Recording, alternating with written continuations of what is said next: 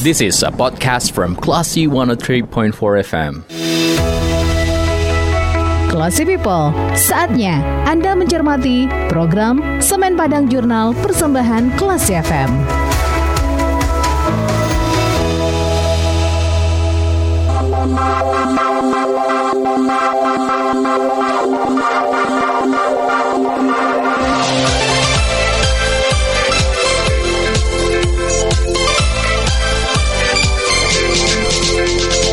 One three and four Kelas FM, this is the actual radio. Selamat pagi Kelas People, Anda kembali mencermati rangkuman informasi menarik seputar perusahaan kebanggaan Sumatera Barat PT Semen Padang.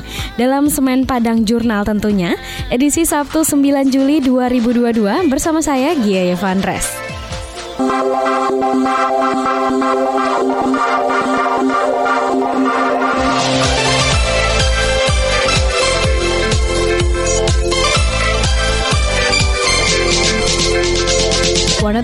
four Kelas FM, this is the actual radio. Kelas People seperti Idul Adha sebelumnya, PT Semen Padang tiap tahun terus membagikan sapi kurban kepada masyarakat. Kali ini sebanyak 29 ekor sapi kurban diserahkan langsung ke lokasi penerima. Penyerahan sudah dimulai sejak Kamis 7 Juli yang lalu yang dilakukan di 9 titik lokasi, yaitu Kantorkan Lubuk Kilangan, Kantorkan Limau Manis, Kantorkan Pauh 5, Kantorkan Nan Sapuluh, Kantor Forum Nagari Pampanganan 20, Lantamal 2 Teluk Bayur, Mapolda Sumbar, Kantor PWI Sumbar, dan Masjid Raya Teluk Bayur.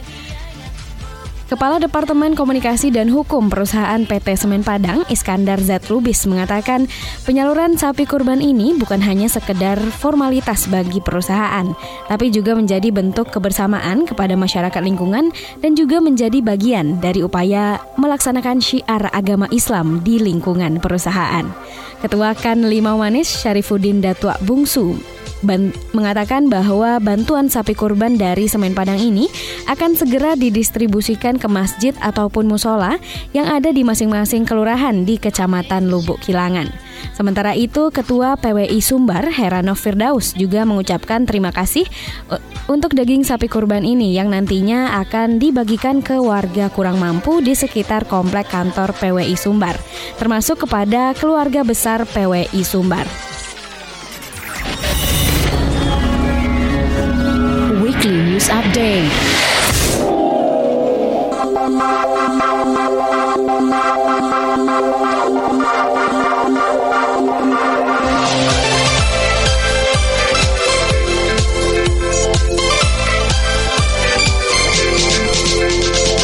Puncak HUT ke-64, pengambil alihan PT Semen Padang dari tangan Belanda yang diperingati setiap 5 Juli, dimeriahkan dengan berbagai kegiatan, yaitu senam bersama, launching aplikasi Nabuang Saro, peresmian PLTA Pico Hydro, dan juga pembukaan Liga Basket PT Semen Padang. Kepala Departemen Perencanaan dan Pengendalian Produksi PT Semen Padang, Juke Ismara, mengatakan aplikasi Nabuang Saro ini merupakan wadah yang disediakan oleh PT Semen Padang untuk membantu pengelolaan sampah. Sementara itu, dalam peresmian PLTA Pico Hydro, Direktur Keuangan dan Umum PT Semen Padang, Oktoweri mengatakan meskipun PLTA ini tergolong kecil dan menggunakan material reuse, namun manfaat dari PLTA Pico Hydro ini dapat mengurangi beban kebutuhan energi listrik dan juga pemanfaatan dari energi listrik yang dihasilkan untuk digunakan untuk hal internal. Dilanjutkan dengan pembukaan Liga Basket oleh Direktur Operasi PT Semen Padang, Indriafoni Indra yang diikuti oleh enam tim. Ia berpesan agar para tim dapat menjaga sportivitas karena Liga Basket ini digelar selain dalam rangka HUT pengambil alihan, tapi juga dalam rangka membangun kembali silaturahmi antar karyawan Semen Padang Group. Weekly News Update.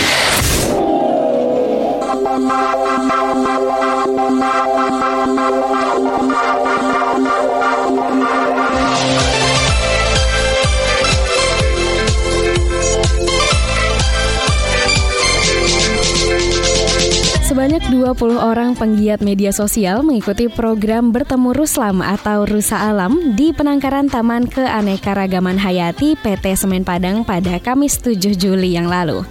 Sebelum bertemu Ruslam, para penggiat medsos ini juga mengikuti sejumlah kegiatan yang digelar PT Semen Padang. Di antaranya ada seminar langkah bijak Pilih Sampah dengan narasumber Muhammad Bijaksana Junero Sano yang merupakan Managing Director Waste for Change sekaligus inisiator dan penasihat bergerak untuk hashtag Indonesia Bersih dan juga hashtag Bebas Sampah. Setelah itu, para penggiat juga mengikuti piknik dan edukasi program lingkungan PT Semen Padang di area bekas tambang tanah liat yang direklamasi menjadi lapangan golf. PT Semen Padang serta turut serta untuk mengunjungi tempat konservasi ikan bilih dan foto hunting ke Industrial Heritage Pabrik Indarung 1 serta kompetisi medsos dengan tema A Day in My Life. Salah seorang penggiat medsos bernama Ilona Bella mengaku senang mengikuti program Bertemu Ruslam. Selain bertemu dengan Ruslam, ia mengaku bahwa berbagai rangkaian yang digelar Semen Padang juga memberikan pengalaman yang cukup berharga. Khususnya kegiatan seminar langkah bijak pilih sampah sekaligus pengenalan aplikasi Nabuang Saro Semen Padang.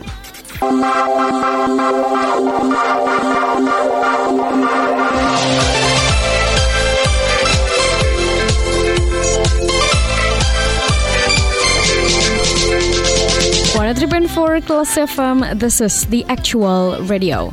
Kelas People, salah satu produk unggulan semen Padang adalah Portlight Composite Semen atau PCC. Semen PCC ini memiliki banyak keunggulan, yaitu mempunyai kuat tekan yang setara dengan semen tipe 1, di mana PCC juga dapat digunakan untuk konstruksi umum pada berbagai mutu, mutu beton, seperti perumahan, bangunan bertingkat, jembatan, jalan raya, dan masih banyak lagi. Semen PCC ini ternyata lebih mudah dalam pengerjaan. Suhu betonnya lebih rendah sehingga tidak mudah retak. Terus semen PCC ini lebih tahan terhadap serangan sulfat dan juga lebih kedap air. Permukaan acian lebih halus dan lebih ramah lingkungan karena mengurangi energi bahan bakar dan bahan baku dengan optimalisasi penggunaan klinker. Keunggulan lainnya adalah material tambahan pozolan yang dipakai di PT Semen Padang adalah yang terbaik di Indonesia. Tips dan info produk.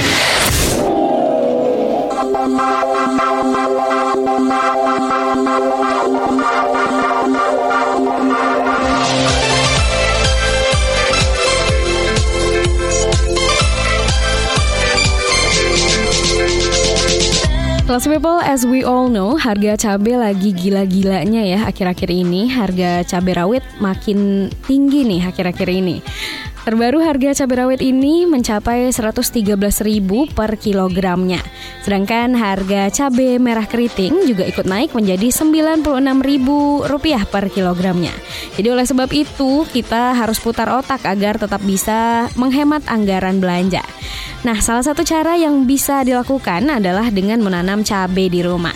Untuk menanam cabai rawit ada beragam hal yang perlu diperhatikan seperti faktor cuaca, air sampai ke hama. Melansir dari kompas.com, agar tanaman cabai ini bisa berbuah lebat, kita harus melakukan pemupukan yang benar. Pemupukan tanaman cabai ini dapat dilakukan dengan menggunakan garam dapur, di mana garam dapur ini diklaim dapat merangsang pertumbuhan bunga dan juga buah cabai yang lebat. Tanaman cabai yang paling cocok dilakukan pemupukan adalah yang berusia sekitar 2 hingga 3 minggu atau yang mungkin sudah terlihat bunganya. Untuk membuat pupuk dari garam dapur ini, anda hanya perlu menyiapkan 1 liter air dan juga 1 sendok garam dapur. Campurkan garam ke dalam 1 liter air, kemudian aduk sampai benar-benar tercampur. Habis itu Anda tinggal menuangkan pupuk ke bagian tanaman cabai secukupnya. Lakukan hal ini selama 14 hari secara rutin untuk hasil yang lebih maksimal. Selain itu, merangsang pertumbuhan buah pada tanaman cabai, garam juga bisa menetralisir pH dari tanah.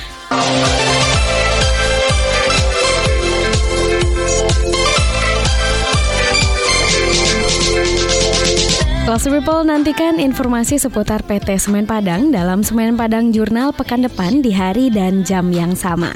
Bagi Anda yang ingin mendapatkan informasi selengkapnya mengenai PT Semen Padang, bisa langsung log on aja di www.semenpadang.co.id. Jika Anda ingin memberikan kritik dan saran, bisa langsung mengirimkan email ke email redaksi Kelas FM di news. Terima kasih atas kebersamaan Anda. Saya Gia Yevandres pamit. Assalamualaikum and then see you.